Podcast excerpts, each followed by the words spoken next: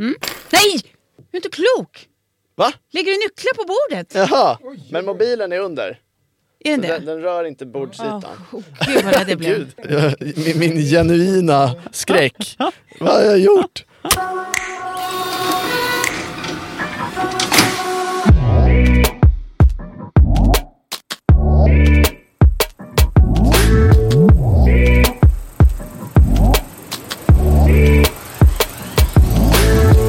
En centraleuropeisk diktator och en Nutella-älskande rymdspindel. En på allra största allvar och en grav satir. En som är helt inåtblickande och en som inget frågar alls. Ja, TV-veckan bjuder onekligen på till synes motsatta upplevelser. Men ensamhet och galenskap förenar. Jag heter Tove Norström. Och jag heter Andreas Hörmark och det här är TV-kollen från Svenska Dagbladet. Välkommen till TV-kollen Tove. Tusen tack. Eh, Du vet ju redan detta antar jag, men många kanske har missat att TV-kollen har ett eget poddflöde. Mm. eh, Som man hittar genom att söka på SvD TV-kollen i sin poddspelare eller i SvD-appen. Just det. Och det är viktig information. Ja, Mm. Så viktig så jag kanske återkommer till den. Vem vet? ja mycket möjligt. Eh, Du, den här veckan snackas det ganska mycket om den franska skådespelerskan Judith Godrèche Mhm, som under Césargalan förra veckan höll ett tal om att bryta omerta, alltså tystnaden kring eh, sexuella övergrepp i den franska filmindustrin. Mm. Eh, Hon har ju nyligen anklagat två franska regissörer för att ha utnyttjat henne sexuellt när hon var tonåring och eh, utanför lokalen under den här galan så var det demonstrationer där människor krävde bättre stöd till branschens offer och, och sådär och detta har eventuellt startat en ny metoo-våg i den franska filmvärlden. Mm. Men då är det, alltså, något sånt startar ju inte utan att det behövs. Så att, eh, då är det väl dags Ja, för det det. är väl det, verkligen. Ja, vi, vi, får, vi får följa den utvecklingen. Eh, men det är inte allt som händer i filmvärlden. Vi är ju på upploppet av award season. Eh, jag tror att man brukar säga att den infaller någon gång mellan november och mars eller så, början av mars. Eh, filmfestivalen i Berlin bland annat har gått av stapeln i veckan som har gått, liksom SAG Awards i eh, USA. Och snart så ska ju då The Oscars eh, kröna säsongen, närmare bestämt den 11 mars för den Just som vill eh, köra en all-nighter. Mm. Eh, Men inte ens filmvärlden existerar ju i ett vakuum, som bekant. Så att eh, i Berlin, eh, på den här filmfestivalen vi precis nämnde, så handlade den inledande presskonferensen till störst del egentligen om politik. Ehm, eh, och den här juryordförande, alltså Lupita Nyong, eh, som fick agera det i år, eh, hon får framförallt eh, frågor om var hon står eh, politiskt i typfrågor som, som Israel-Palestina-konflikten. Ehm, och det är ju lite intressant att se att eh, ingen liksom, värld står orörd av, av eh, sin omvärld liksom, på något vis. nej. Eh, något annat som skedde i Berlin, det var ju premiärvisningen av eh, Johan Renks rymddrama Spaceman för Netflix. Yes. Eh, något som The Guardian eh, listade under festivalen, festivalens eh, DUDS. Eh, det vill säga saker som inte flög. Ironiskt nog, ett rymddrama som inte flög. Så låt oss dyka in i filmen lite grann, tänker jag.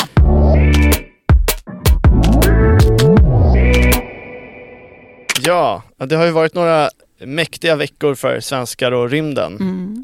Eh, var ska vi ens börja? Eh, förra veckan kom Constellation. Där börjar vi. Ja, det är en thrillerserie med Noomi Rapace på Apple TV Plus som handlar om astronauten Johanna som behövt Mm. evakuera en eh, rymdstation efter att den har krackelerat på något Mm. vis. Och eh, när hon väl är tillbaka på jorden är hon förändrad och familjen anar oråd. Har du sett den? Har inte gjort det ännu. Nej. nej. Nej. Eh, Ett tips ändå. Lite, Just. Ett mi- milt tips. Sen har vi skickat upp Marcus Wandt, den, den tredje svensken i rymden, Mm. även om norrmännen envisas med att kalla honom för den norsk-svenska astronauten. Han har tydligen norskt medborgarskap och det är ju typiskt Typiskt norrmän att vara avundsjuka på svenskt ingenjörskap och sånt där. Men, eh, eh, Wandts resa var ju knappast lika dramatisk som Noomi Rapaces. Tack och lov. Även om den den såddes nästan ett litet frö till dramatik där när han inte kom hem först på grund Mm. av oväder. Då Mm. tänkte man här kan det, här kan det bli sci-fi. Men icke. Eh, det var ganska rutinmässigt och han var där för att han skulle utföra en rad experiment, bland annat till ett forskningsprojekt initierat av KTH där man ska studera hur människors fysiska och mentala hälsa påverkas av att vistas i trånga utrymmen under lång tid. Det, det, de behöver inte skicka mig till rymden för att ta reda på hur jag skulle må av att vistas i, Exakt. i, i trånga, eh, secluded eh, utrymmen en längre tid. Nej, precis. Det- Skit vi skulle gör ju det här och nu Ja. i den här studion. Jag till och med. Ja, precis. Nu är åtminstone sällskap. Men eh, någon som definitivt vet hur det känns, det är ju då den tjeckiske kosmonauten Jakob Prochaska, det.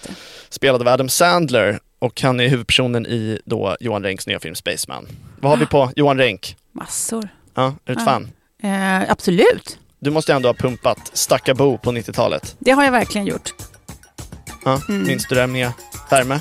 Eh, absolut. Jag gillade hemskt mycket Here we go again, here I go, go, go to the temple of consumption. Det har jag följt resten av mitt liv. Ja, exakt. Precis. Ja, hans gamla artistnamn Stacka Bo. Han hade en musikduo med E-Type också. Mm. Och eh, vad har han mer gjort? Han har ju gjort massa musikvideor. Jag minns Mm. framförallt de två videorna till ehm, David Bowies sista skiva, Black Star och eh, Lazarus som han Mm. blev väldigt hyllad för. Men hans stora break som mer kreddig, riktig regissör, eller vad man ska säga, var väl i samband med Chernobyl för ett par år sedan. Mm. Som blev jättehyllad och den var ju en jättebra serie. Otrolig. Eh, Men hur som helst, Jakob är på ett solouppdrag till någon slags mystiskt moln långt åt fanders i rymden och han ser bra risig ut alltså. 189 days into your solo journey. Commander Prohatska, how are you feeling? What I'm doing is for everyone back home, and that makes me very proud. Betydligt mer sliten än Marcus Wandt som faktiskt såg skamlöst, skamlöst fräsch ut när han landade tycker jag. Just. Filmen bygger på en bok också, Spaceman of Bohemia heter den, skriven av en tjeckisk författare som heter Jaroslav Kalfar. Och eh, i boken är det ryssar som är honom hack i häl och som han då stöter på och har att göra med i rymden. Men i filmen så har de bytt emot koreaner. Just det. Det är nog ingen Mm. slump va? Nej, förmodligen nej. Jakob sover illa, han har massa existentiell ångest, plågas av sin ensamhet och, och sitt förflin- förflutna. För flintarna kanske också, vad vet jag? Ja, jag, jag hoppades att du bara skulle let it slide, Ja. men icke. Du tror för mycket om mig. Ja. Alltså, I rymden träffar Jakob, eller om han inbillar sig, det är väl lite oklart, någon Mm. slags stor snäll rymdspindel som levt sedan universums början och Mm. som blir Jakobs eh, vän och eh, vad ska man säga, andlige vägvisare. Your loneliness intrigued me. Are you here? I might be of help. Ja, kan man säga. Ehm, Och eh, på jorden är också hans gravida fru Lenka spelad av Carey Mulligan som har blivit övergiven och har bestämt sig för att lämna honom. Mm. Hon är förkrossad av hennes make ständigt och sidosatt henne för att upptäcka universum. Han har alltid så att säga tittat mot stjärnorna istället för att ha sett henne va? Precis, istället för att titta på den supernovan framför sig. Exakt. Mm. Och eh, hans isolering i rymden får honom att tänka över sitt liv, sin historia, sina tillkortakommanden och det är verkligen annat än man kan säga om Marcus Wandt vars första ord i rymden var Hej allihopa! Helt underbart att vara i rymden. What a fantastic ride! Hej allihopa! Helt underbart att vara i rymden. Eh, what a fantastic ride! Jag tycker faktiskt man kan förvänta sig mer av en person som liksom blickar ner över hela vår planet från ovan på det sättet. Anyway. Ja. Eh, Klen insats, Marcus Wandt. Ja precis, men i Spaceman blir det ju desto mer av den varan av så existentiella one-liners. Eh, Mm. För det är väl i första hand just ett, den sortens så existentiellt drama än en rymdopera. Eller vad säger du? Eh, ja, det tycker jag man kan säga. Ja, men ja. känner du att det lyckas? Ehm, det, det, det, där tycker jag att det är lite svårare att vara, vara definitiv. Eh, Ja. i, inte riktigt. Filmen handlar ju uppenbart om ensamhet och, och, och typen av smärtsamma reflektioner som, som ensamhet kanske kan tvinga dig in i att, att göra. Eh, men om man zoomar ut lite så kan man väl också säga att Spaceman är som en historia om eh, självförverkligande versus eh, verkliga mänskliga eller mellanmänskliga relationer. Att det är liksom det ena ställs mot det andra. Att antingen så är det du och dina mål och ditt fokus eller så är det liksom eh, en närvaro i, i de relationer som betyder något för dig som människa. Liksom.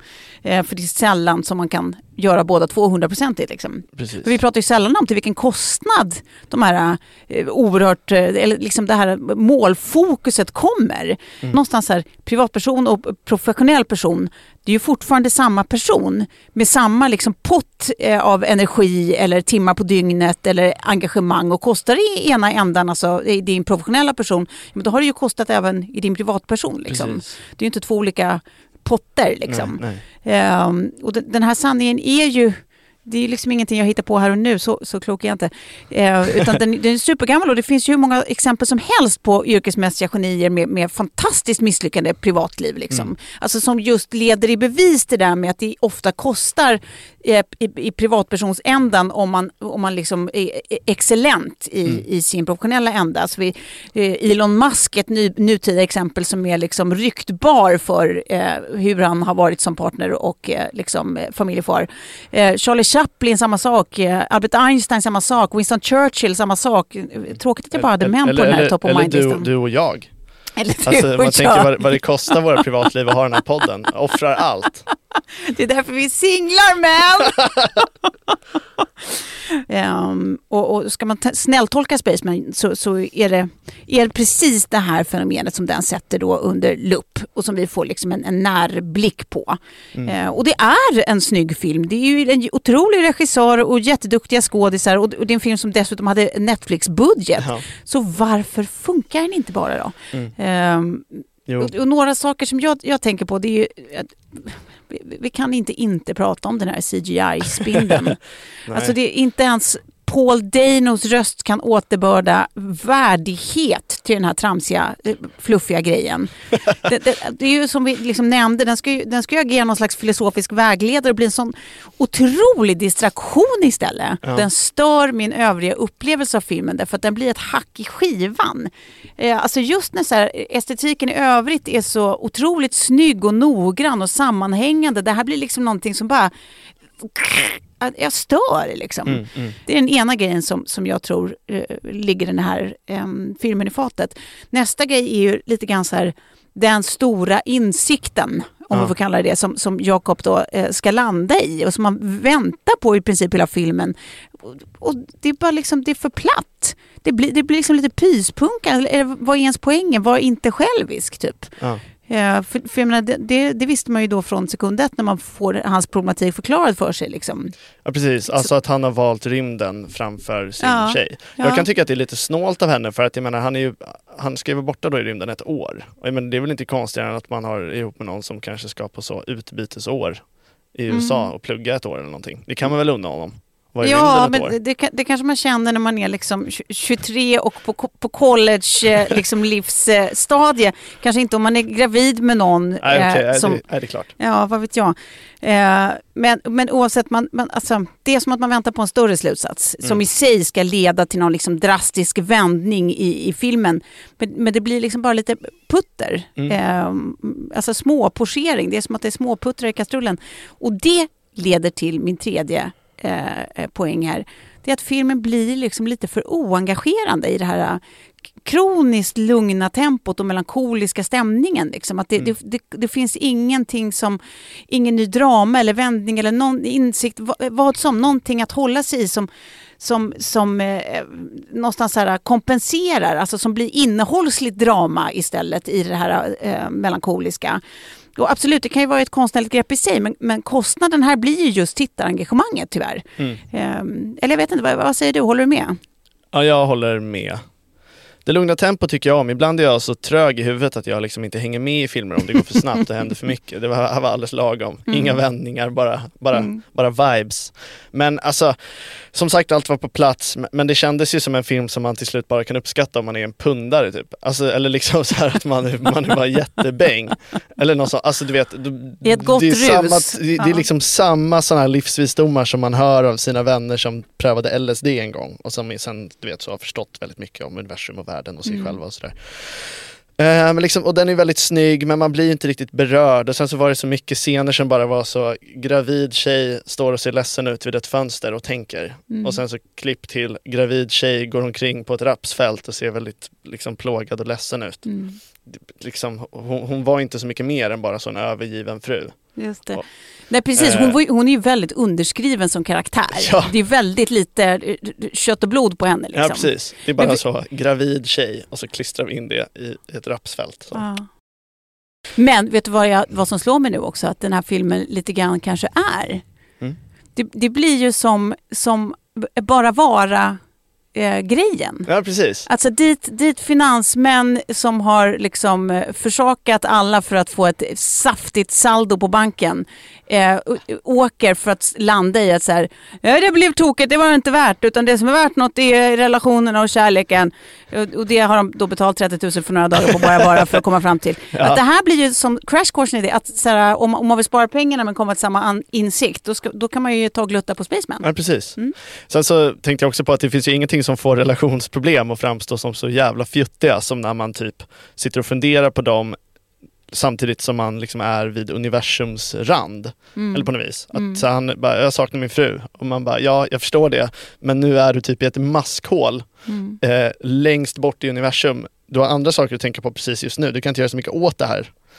Eh, det, det, blir, det blir lite fjuttigt. Eller så kan det bara Eller vara så- så. Det är kanske jag som aldrig har varit tillräckligt kär, vad vet jag. Ja, kanske. Ja. Eller tillräckligt långt insikt. bort från jorden. Ja. Nej precis. Ja. Ja. Who knows? Ja, var, jag tycker också att det finns en annan fråga faktiskt som man skulle kunna ställa sig. Eh, som hör till, eller jag tror att det blir en del av helhetsbilden varför, var, varför både du och jag känns lite skeptiska. Mm. Eh, och det är faktiskt att jag undrar om inte rymdfilmsfacket egentligen är ganska mättat. Mm. Eh, det, Constellation som du nämnde, det kommer ju nu också, eh, den, den här andra Dune-filmen är ju på G och redan jätteomskriven. Eh, och sen har vi ju massor i, i ryggen också som just har ensamhet som ett centralt tema. Rymden och ensamheten hör ju onekligen ihop. Mm. Ja, men tajmingen för, för vår rymdfascination, alltså vi alla eh, tittare eller potentiella tittare, eh, alltså eh, tajmingen för den är egentligen inte så märklig. Alltså jorden håller ju på att gå åt helskotta rent klimatmässigt så är det klart vi är intresserade av så här, eh, så, jaha vad finns där? Vad, vad, har vi? Är det någonstans man kan adressändra? Eh, man- det är klart man är intresserad om det finns någonstans att fly. Men också att rymden är ju som nästa politiska fokusområde någonstans för, för, för makt, maktfördelning och krigsföring och allt det här. Och inte som, som den här kapprustningen för 60 år sedan när man egentligen bara ville vara först ut att utforska. Utan nu handlar det om att kontrollera satelliter i rymden.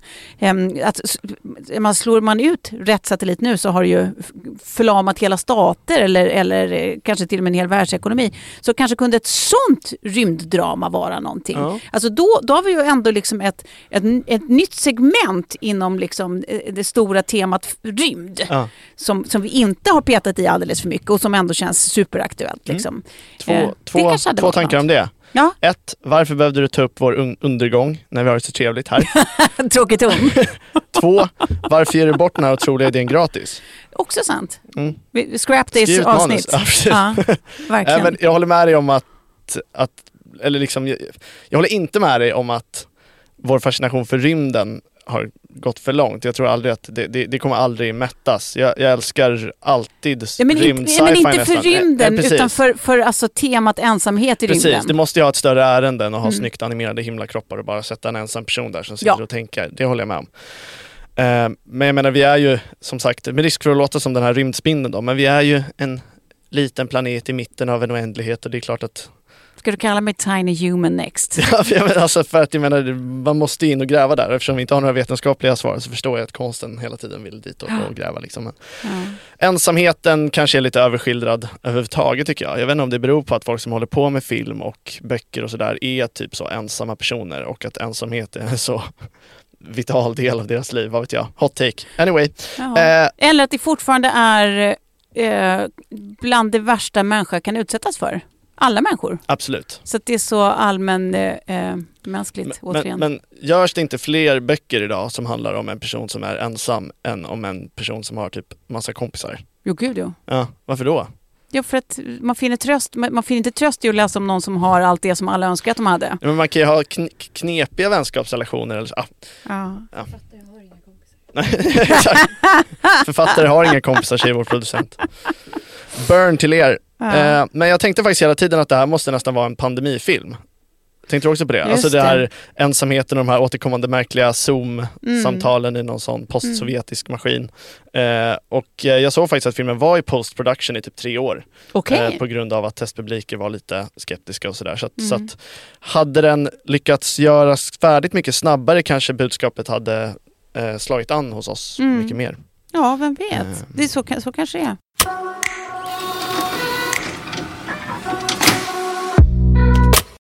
Men du, har du sett någonting från SAG Awards i veckan? Det har jag inte. Jag räknar alltid med att du ska upplysa mig Ja. om vad som sker. Du känner mig så väl. Mm. Eh, för det var en, såg, eh, en såg som jag såg. Ja. En sak som jag såg som eh, jag faktiskt skulle vilja lyfta under den här vignetten. Jajebus, här kommer veckans gås.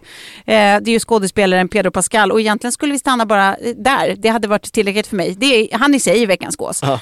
Alla veckors gås. eh, men han tilldelades ju då pris för Outstanding Performance for Male Actor in Drama Series. Och det lät så här. I have no skills, I have no other interests, so the least you could do is give me a job.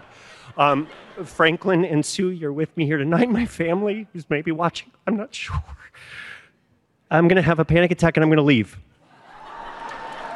Nu är det som att allvaret drabbar honom för första gången. Eh, och det är så himla rart och så Ja. mänskligt. Så att, eh, eh, rakt upp står håren. Gås. Fint.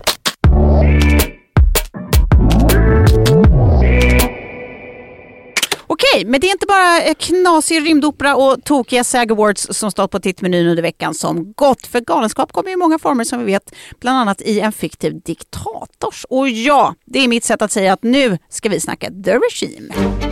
Happy Victory Day, madam. Let's get on with it, please. Yes. Ravishing. That, I mean, the flowers are ravishing. I just need to be brief for these briefings. Ska vi bara kröna Kate Winslet till inofficiell drottning av HBO eller? Det, det tycker jag verkligen. Eller åtminstone hon kan få dela på titeln med Nicole Kidman kanske. Just det. Eh, Winslet har ju hyllats för sina roller som detektiv i Mare of Easttown Ja. för ett par år sedan. De är kanon. Eh, Och eh, Mildred Pierce där hon spelar en ensamstående mamma som ger sig in i restaurangbranschen. Mm. Och nu kommer då hennes tredje samarbete då. En, en ganska farsartad satirserie får man säga, som heter The Regime. Hon Mm. spelar en neurotisk och rätt isolerad, vad, vad ska man kalla henne, diktator, Ja. autokrat ja, i ett oidentifierat land, lite suspekt likt Ryssland. Tänkte jag ändå. Ja, eller åtminstone en Eh, S- ex-Sovjetstat. Precis, och eh, då, det, det ska ligga då i Centraleuropa men namnges aldrig. Eh, det talas exempelvis eh, om en liksom kärleksfull invasion av ett grannland som så här, vilket ju man direkt leder tankarna till. Det är så kul också, det är sånt och oxymoron, kärleksfull och innovation i samma Jag vet, jag mening. Man vet. bara, nu ska vi, nu ska vi se. Ja precis, jättekonstigt. Vi sminkar den här grisen riktigt ordentligt med contouring och allting så kanske folk faktiskt tror att det inte är en gris. Exakt, exakt. Och eh, under ett år följer vi det här landet och vars främsta exportvara är sockerbetor för övrigt. Landet utmanas av politiskt tryck från USA och befolkningen svälter och demonstrerar mot hennes politiska beslut. Bland annat när hon fängslar oppositionsledaren som spelas av ingen mindre än Hugh Grant. Mm, Är han en favorit? Eh, favorit är ett starkt ord. Ditt hjärta bultar inte lite Nej. extra när han är i rutan? Nej, det är ingen Pedro Pascal-stämning. Nej okej. Det, det vill jag inte säga. Får jag bara fråga en sak? Visst är det väl så också, sockerbetor var, var en, en regions stora eh, eh, råvara. Men är det inte mm, kobolt som var Jo, deras stora grej som de försöker också ja, just det. exportera till USA? Absolut. Ja, Eh, och sen är hon också jätterädd för mögel. Just. Eller hur? Och fukt och sånt där. Så hon Precis. anställer en före detta soldat vars jobb blir att följa efter henne och hålla koll på de här mögelnivåerna. Och eh, Mm. ja, självklart så fattar de tycke för varandra och det är väl egentligen det som är den främsta kärnan i serien. Mm. Deras märkliga relation. Ja, det får man väl eh, kanske säga. Precis. Det här är alltså som en slags absurdifikation av en, en nutida diktators eh, fullständiga eh, galenskap och nyckfullhet och paranoia. Och det ska sägas att, att vi har ju bara fått eh, kika på det första avsnittet av den här serien. Mm. Istället för att fokusera då på serien som sån så här tidigt så vill jag då säga att det, det finns annat man kan fundera över. För man kan tycka att det är ganska lustigt med de här eh, överdramatiserade nyckeln hon håller på med. Att det känns så, så skrivet och så, så verkligen på film. Eh, alltså som just det här med, med luftfuktighetsnojigheten. Hon vill inte utsätta sina klena lungor för, för hennes ärkefiende mögel. Eh, men med lite snabb research så, så inser man ju väldigt snabbt om inte att eh, Ja, det kanske är så att verkligheten överträffar dikten. Once again. Mm. Ja. Eh, vill du ha några högst verkliga exempel på Ja, jag tänkte just fråga vad du syftar på. Ja, eh, kul att fråga. Vi kan väl börja med Ceausescu då, Rumäniens tidigare diktator. Han, eh, han krävde bland annat att hans eh, nästintill analfabetiska fru skulle få vara en del av New York Academy of Science. Det var rimligt och att alla rumänska vetenskapsmän across the board, alltså samtliga vetenskapsmän, de skulle inkludera hennes namn i eh, sin forskning. Det All sin kallar, det kallar jag äkta kärlek ändå. Ja, det är verkligen kärlek, det ska han ha. Ja. Eh, Årets pojkvän. Ja, verkligen goals. Eh, sen har vi Ugandas tidigare diktator Idi Amin. Han förbjöd bland annat asiater i Uganda, överlag alltså. alltså folk av asiatiskt ursprung fick inte vistas i Uganda. Okej. Och det berodde, det var en ren hämndaktion för att Ja. han eh, hade friat eh, till en, en asiatisk kvinna.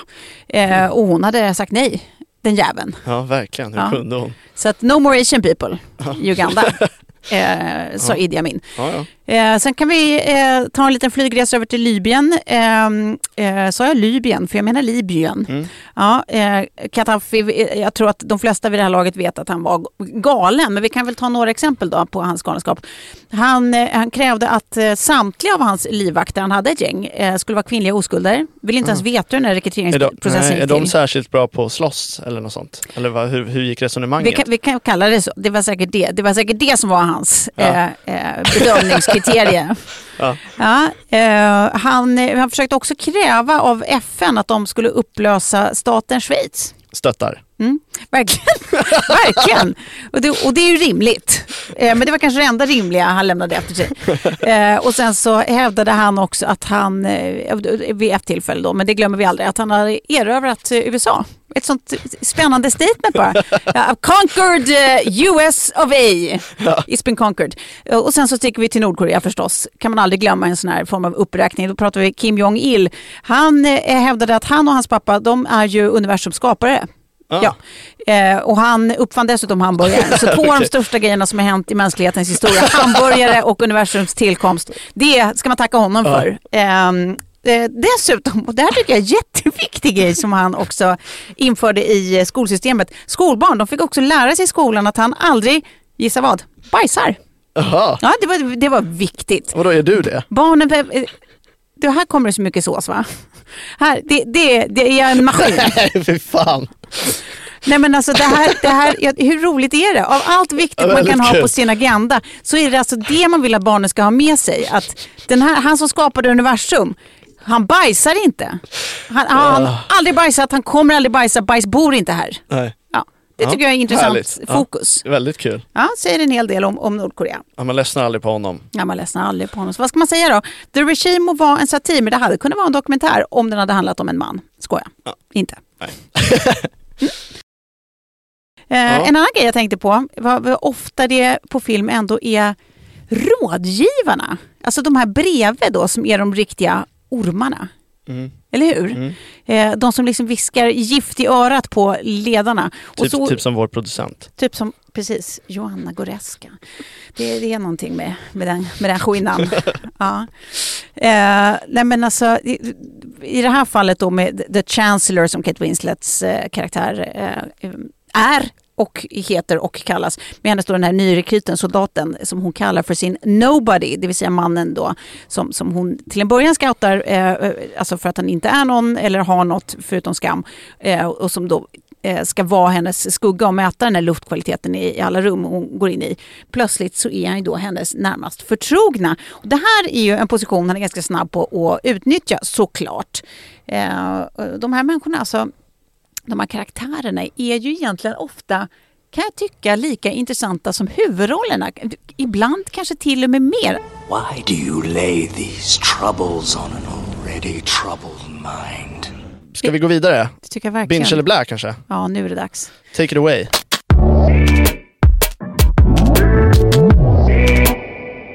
Jag inleder med att berätta om Masters of the Air på Apple TV+. Det här är alltså Tom Hanks och Spielbergs nya andra världskrigsskildring. Det känns som att de har en del, del eh, sådana historier att berätta. Eh, men det här är den senaste om ett amerikanskt flygförband som är förstås ovanligt hjältemodiga och stiliga och snabbkäftade och har nära till inspirerande tal och alla sådana här grejer. Det är alla schabloners schabloner förstås och länge så försökte jag vad ska man säga, jag drog mig för att titta och, och, och ännu längre så försökte jag att verkligen inte gilla på grund av, eh, vill absolut inte ha mer krigs-tv. Nej. Men jag vet inte vad jag ska säga, jag är inte mer än människa Andreas. Nej. Jag är inte mer än människa. Och jag är försvarslös mot stråkmusik och vackra pojkansikten och fläskig retorik. Det bara är så. Jag har fastnat och jag får stå för det och det blir ett binge. Kul! Jag föreslog att vi skulle prata om den serien i den här podden och då sa du nej, jag hatar, Exakt. jag hatar krigsfilm. Och nu har du sett den utan mig. Det har jag Vilket verkligen. svek! Fan. Ja, ja. Men i jämförelse med Masters of the Air så är mitt tips kanske lite av en bagatell. Men, men när jag såg dokumentären När tåget lämnar perrongen på SVT Play. Ah. Den handlar om den underbara sångaren Kjell Höglund som minst sagt varit ett, ett, lite av ett unikum i, i svenskt musikliv. Men Mm. som knappt syns till de senaste 15 åren. Han kollapsade på en scen 2008 och har sedan dess bara varit lite av en doldis. Mm. Eh, Men eh, det är en riktigt god halvtimme för alla oss som vaknar varje morgon med en hemskhet i våra bröst och som betraktar maskinerna som vänner och så vidare. Eh, De som fattar, fattar. Eh, Mm. Binge. Ja, ett mindre kul PS är ju att TV-kollen är slut nu. Uh, what a fantastic ride. Men vill du oss något medan du väntar på att det ska bli nästa vecka så är det bara att mejla oss på tvkollen svd.se. Yes. Och eh, kom ihåg att vi nu finns i ett alldeles eget flöde. Exakt. Du hittar oss genom att söka på SvD TV-kollen i din poddspelare eller genom att lyssna i SvD-appen. Det ska du verkligen göra. Eh, blev du nyfiken på någon av alla de här titlarna som vi har nämnt i eh, dagens avsnitt, ja men då hittar du ju smidigt nog en lista över dem och också var du kan streama dem i avsnittsbeskrivningen i din poddspelare. Och fler tv-tips och recensioner finns ju precis som vanligt på svd.se kultur och även i nyhetsbrevet förstås eh, som heter Bäst på TV. Det här avsnittet producerades av Joanna Goretzka och ansvarig utgivare är Lisa Irenius.